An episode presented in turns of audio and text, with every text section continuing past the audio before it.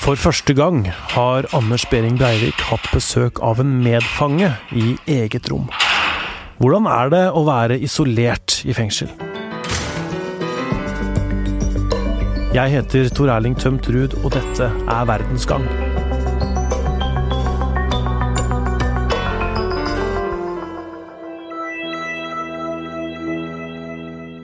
Før jul fikk massedrapsmannen Anders Behring Breivik, som står bak 77 drap i regjeringskvartalet og på Utøya i 2011, besøk av en medfange i Skien fengsel. Fra før har Breivik, som har skifta navn til Fjotolf Hansen, hatt besøk av profesjonelle aktører, som presten og andre fengselsansatte, og sin egen mor, som døde i 2013. Men dette er altså første gang Breivik har hatt besøk av en annen medfange i samme rom. Breivik sjøl beskriver det som en positiv opplevelse, ifølge hans advokat Øystein Storvik. Advokat Storvik sier at det er et faktum at han har for første gang hatt besøk og samvær med en medfange. Det var vellykka, og vi venter at det skal være en faktor i hans soning videre, sier Øystein Storvik til VG. Storvik sjøl vil ikke stille i denne podkasten. Krimekspert her i VG, Øystein Milli. Hva veit du om hvordan massedrapsmannen har det i fengsel? Jeg, det jeg vet, er at han soner øh, ganske tungt, og at han har øh, At han har det Han sitter avskjerma og har, som du sier, lite kontakt, og at det er selvfølgelig en vanskelig situasjon å sitte sånn som han gjør. Han er mye alene, har da tre celler, treningsrom, TV, seng som han disponerer. Og så har han da, som vi var inne på, kun hatt kontakt med en besøksvenn, fengselsansatte, prest, mor. Altså ingen da, kall det eksterne utenfra familie eller profesjonelle aktører. Så det er klart det er jo, en, det er jo et veiskille nå at han da har fått denne kontakten med et tilfelle med en medinnsatt. og Eh, sikkert noe som fengselet da har vurdert eh, grundig, og som man fant var eh, både viktig og riktig på det nåværende tidspunkt. Mens hans soning er vel spesielt i den forstand at han har da tre celler til disposisjon? Ja, og det, så plassen er jo for så vidt uh, uh, kanskje grei nok, men det er klart det, det, er jo Det spørsmålet i den saken her er jo det er jo, For en legmann så er det jo to hensyn som veies opp mot hverandre. Det ene er jo sikkerhetsaspektet og selvfølgelig da den straffen han skal gjennomføre, opp mot de menneskelige, humane uh, sidene. Uh, og uh, denne saken er jo veldig spesiell. Mm. Mange av oss ser på serien nå som på går. NRK, ja. ja. Mm. Og vi kjenner jo, i hvert fall gjør jeg det, jeg har vært i retten og, og satt der i to måneder. Mm. Vært på Utøya, satt, sto på Utøya da Anders Behring Breiberg var tilbake igjen, mm. og rekonstruerte. Så hvordan han kom, ble leid inn med, mm. med et tau av politifolk, bevæpna politifolk. Altså, jeg kjenner at det er så fryktelig vanskelig å mene noe rasjonelt mm. om denne saken. Fordi at den Eh, jeg prøver å være profesjonell og tenke at eh, det er viktig at man eh, taler at det skal være humant, og vi har en rettsstat som behandler folk, selv om de har gjort grufulle ting, mm. respektfullt og uh, riktig ut fra et humant perspektiv. Samtidig så kjenner jeg jo fryktelig på den uh, opprørt uh, sinnsstemning som fortsatt kommer til meg når jeg ser serien igjen nå, og som jeg kjente på da jeg satt i retten og jeg var på Utøya, og så all den Eh, helt sånn eh, Det er helt sånn umulig å ta inn over seg, for meg fortsatt, den eh, lidelsen og grusomhetene han påførte både de berørte ofrene og samfunnet som sådan. Og så er det sånn at hver gang dette nevnes, at vi har en nyhetssak om dette Nå har jo VG skrevet dette, om at han har fått dette besøket. Så, så, så river det opp litt. Og, og, vi må jo også da si at fengselet vil ikke kommentere noe mer rundt dette besøket, og vi hørte også at advokaten heller ikke sier så mye detaljer rundt det. Det eneste vi kan eh, si er vel at det var, eh, at det var flere fengselsansatte eh, rundt der.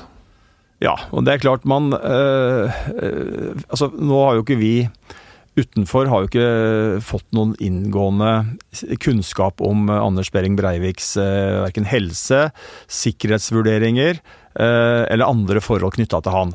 Fengselet tar ingen sjanser, eh, og han har vist en så betydelig voldskapasitet.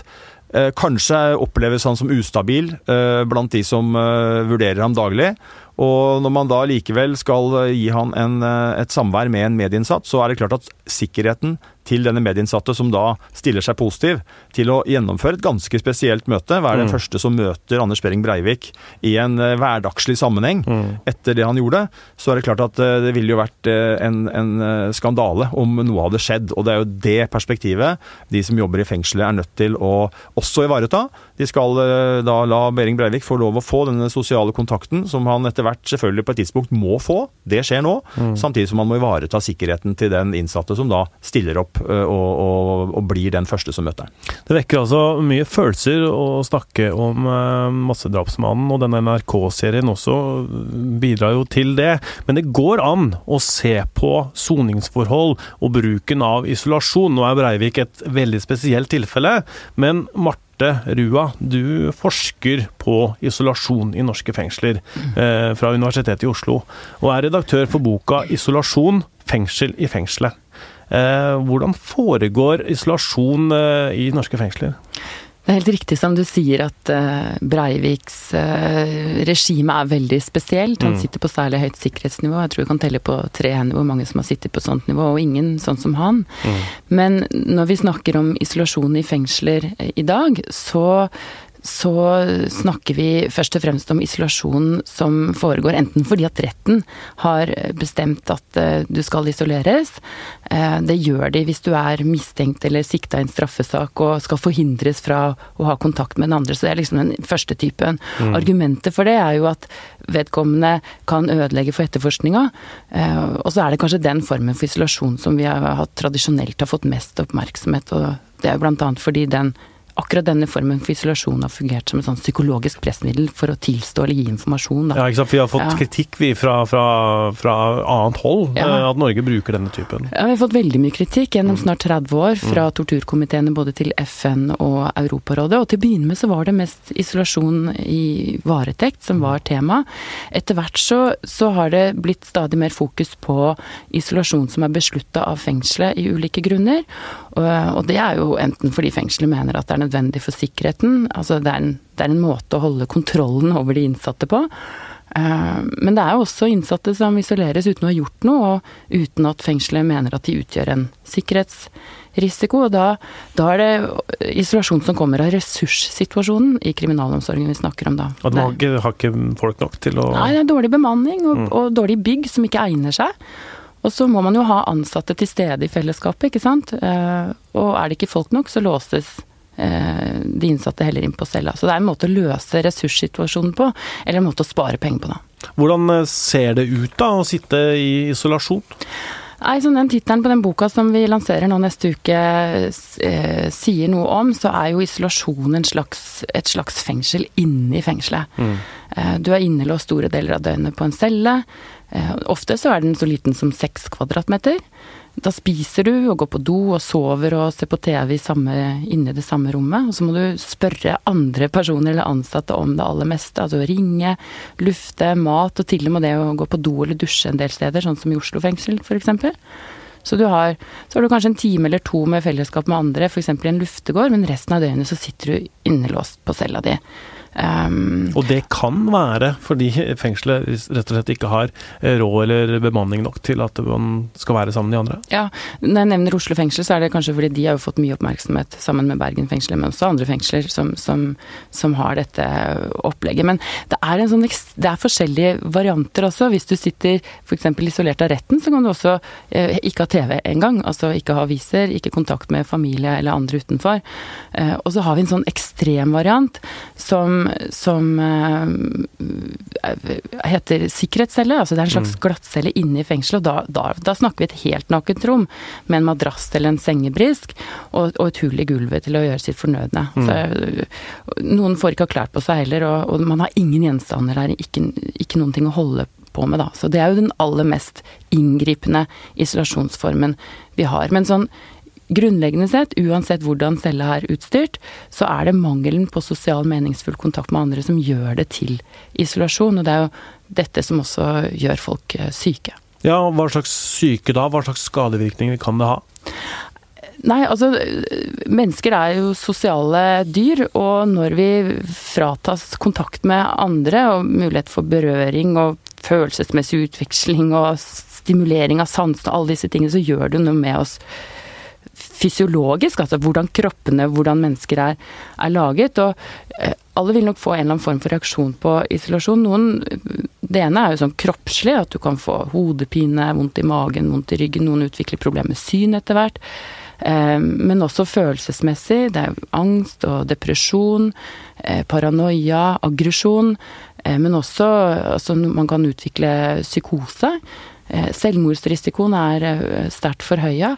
Og så er det noe som skjer sånn kognitivt, altså hjernen. Mm -hmm. Og det handler om at eh, når vi blir fratatt stimuli Dette er sånn som eh, psykologer forklarer det. Mm. Når vi fratas stimuli som mennesker, så begynner hjernen å produsere stimuli selv.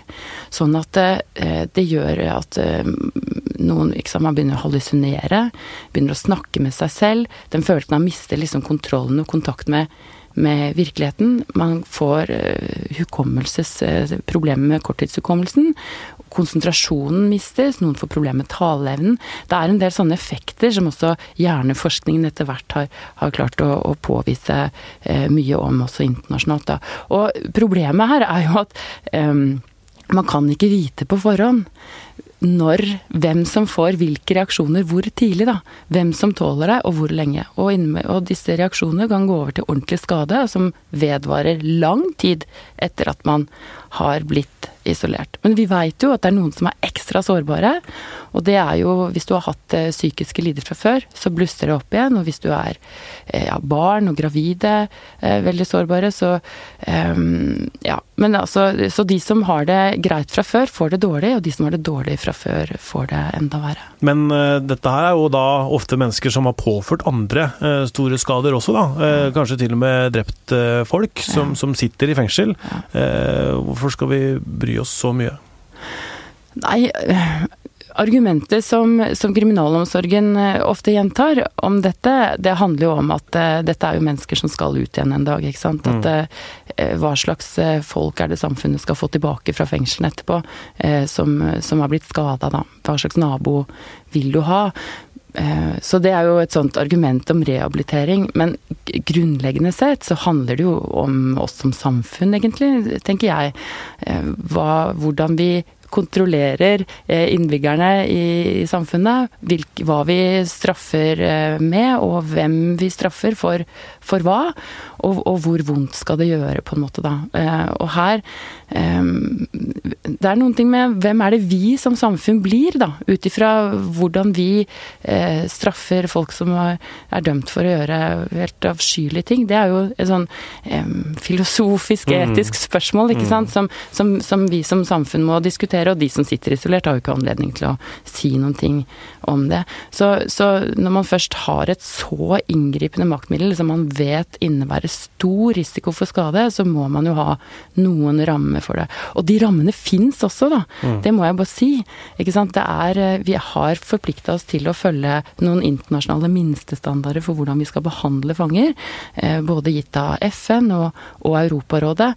Og, når vi er opptatt av å fortelle andre hvordan, eh, og mene noen ting om at andre land skal følge disse reglene, så, så, må vi jo gjøre en innsats eh, selv også. Det er jo kolliderende hensyn her, ikke sant.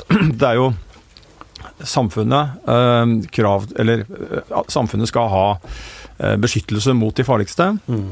De ansatte i fengslene skal være trygge på jobb. Og så er det da eh, hensynet til at vi skal i utgangspunktet rehabilitere alle som får en straff. De skal tilbakeføres til samfunnet. Og da er det jo en diskusjon. Hvordan gjør man det?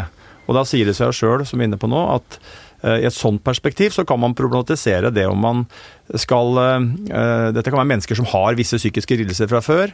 Om de da skal påføres mer. Og, da må man jo prøve å ta ned det.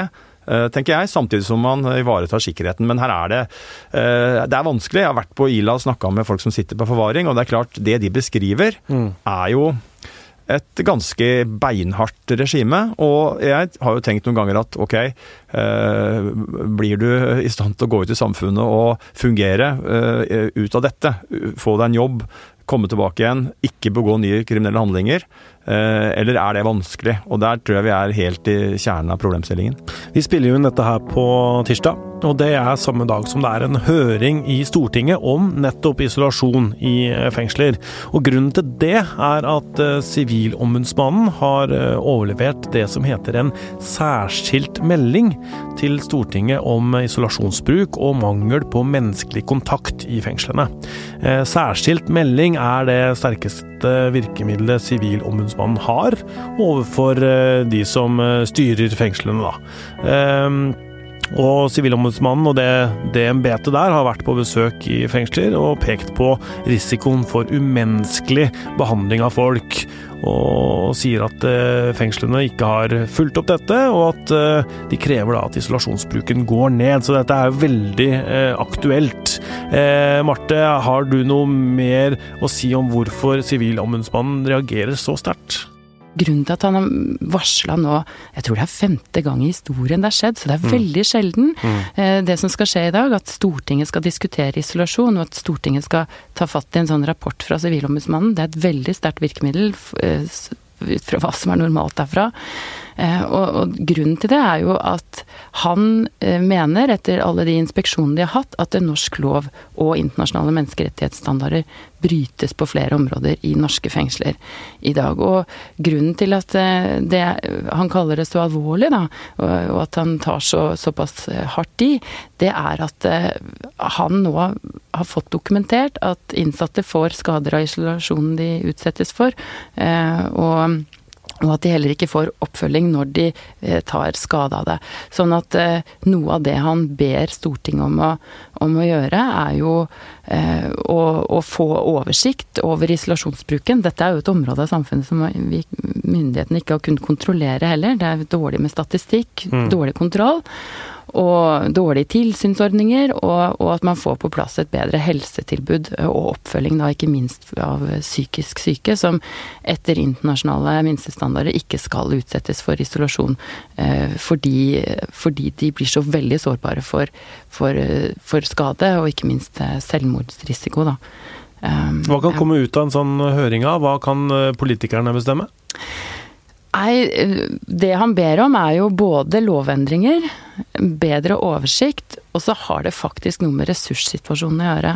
Kriminalomsorgen selv har sagt at det vil koste om lag 500 millioner kroner mm. for Norge å følge menneskerettighetene på dette området. Så da har jo på en måte politikerne et valg, da. Men jeg tror, som har fulgt med på dette feltet ganske lenge, er jo også at det, det handler om kunnskap eh, og bevissthet, og ikke minst liksom at man setter noen rammer for bruken. fordi hvis man kan gjøre det, så gjør man det. Ikke sant. Litt sånn er det. Før så var det jo nesten ikke noen diskusjon om disse temaene i det hele tatt. Nå sitter jeg på, på VG og lager en podkast om det. Mm. Dette speiler også en utvikling at jeg tror at det er blitt mer kunnskap, og så begynner alvoret i situasjonen å sige inn, også i kriminalomsorgen. I hvert fall sånn på ledelsen og de som skal utvikle fengslene og sånn. Men også de, de, som jobber med det til daglig, ser jo at det de blir satt til å gjøre, ikke er bra og fungerer dårlig, da. Nå er jo det å bruke Breivik som et eksempel egentlig et dårlig eksempel, for det er såpass ekstremt og så spesielt. Eh, men jeg vil avslutte med det, Øystein. Eh, nå har han fått en, eh, et besøk av en medfange, og det har vært en, en, et søksmål mot staten om brudd på menneskerettigheter, og som han da ikke vant fram med, men allikevel. Tror du dette er et, et start på en litt annerledes soning for Breivik? Ja, det tror jeg. Når man først tar det steget nå, så er det naturlig at det følges opp videre. Og så er det, så er det bra, uh, tenker jeg. Og det er klart at uh, hvis man får uh, Jo bedre man får fanger til å fungere i fengsel, jo mindre belastende på ressursbruk og jo bedre fungerer fangen og jo mer forutsetninger har det for å komme tilbake igjen til samfunnet, sjøl om det kanskje ikke gjelder han, så er jo det på en måte uansett da, en grunnleggende driver i, i fengselsvesenet, kriminalomsorgen. Og da tenker jeg at man, man, er nødt til å gå videre på det, og at det er en helt naturlig progresjon for han etter disse årene. Verdens Gang lages av Emilie Hall Torp, Nora Torp Bjørnstad, Kristine Hellesland og meg, Tor Erling Tørtrud. Magne Antonsen er eh, teknisk produsent, og du finner oss også på Facebook under navnet Verdens Gang, en daglig nyhetspodkast.